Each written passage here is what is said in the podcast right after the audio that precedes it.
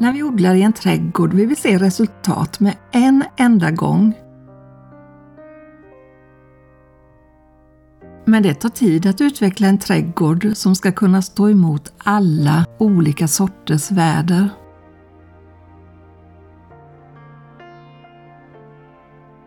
Du frågar en inbiten trädgårdsodlare om råd och svaret du får är Bra jord ger bra skörd, vattna ge näring och vattna igen. Andra kanske inte ser dina små, små framsteg som trädgårdsodlare. Men med tiden kan du skörda frukten av ditt idoga arbete. Det gäller bara att ha tålamod. Hur är det med ditt hjärtas trädgård? Är du otålig? Jag har nog aldrig träffat en enda människa som är född med ett stort tålamod. Nej, det verkar inte vara en gåva. Det räcker att se en hungrig liten bebis som skriker efter mat. Det tycks som om vi är födda med ett rejält underskott av tålamod. Vet du, ingen människa undgår stunder eller tider då tålamodet prövas. Det kan handla om små vardagliga händelser eller någon svårighet i livet som gör att vårt tålamod verkligen sätts på prov. En del uttrycker otålighet direkt genom att högt och ljudligt låta andra få veta hur frustrerade de är. Andra reagerar med knappt märkbar irritation.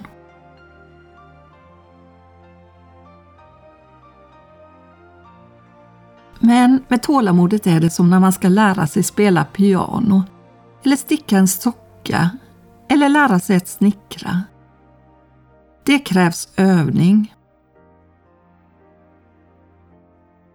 Tålamod och känslor verkar inte alltid gå hand i hand men däremot viljan. Och att utveckla tålamod kräver att man gör ett medvetet val. Visste du att tålamod är en frukt och inte en gåva? I Bibeln står det Andens frukt däremot är kärlek, glädje, frid, tålamod, vänlighet, godhet, trohet, mildhet och självbehärskning. Kommer du ihåg den gamle patriarken Abraham? Gud lovade honom att han skulle få en son. Trots att han och hans fru Sarai var gamla väntade han tålmodigt på att Gud skulle infria sitt löfte. Vilket han också gjorde. Gud ville att han skulle titta på alla stjärnorna för att se hur många hans efterkommande skulle bli i framtiden. Räkna stjärnorna? Nej, det går ju bara inte. Faktiskt omöjligt. Men du, Abraham tvivlade inte på Gud.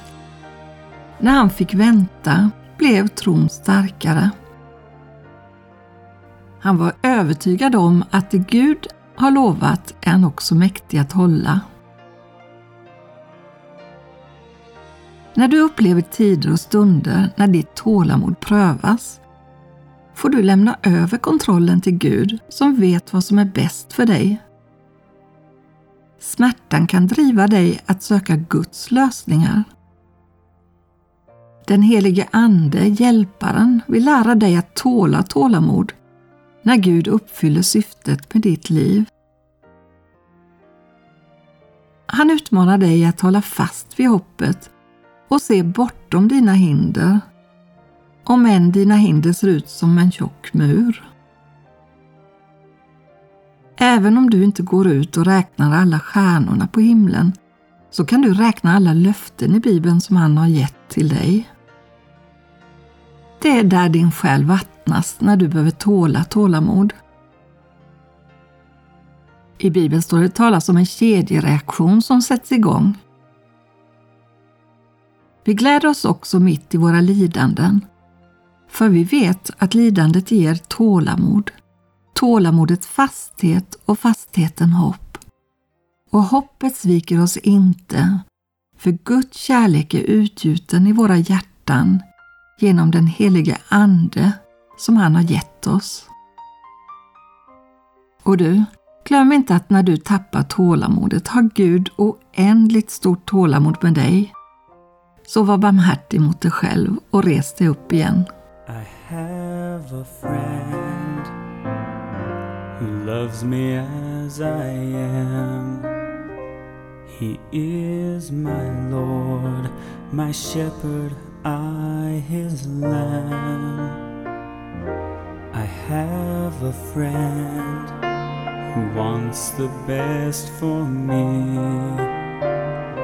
He knows my soul and sees all I can be.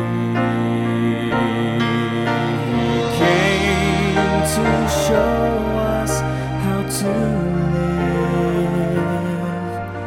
He came with so much love to give.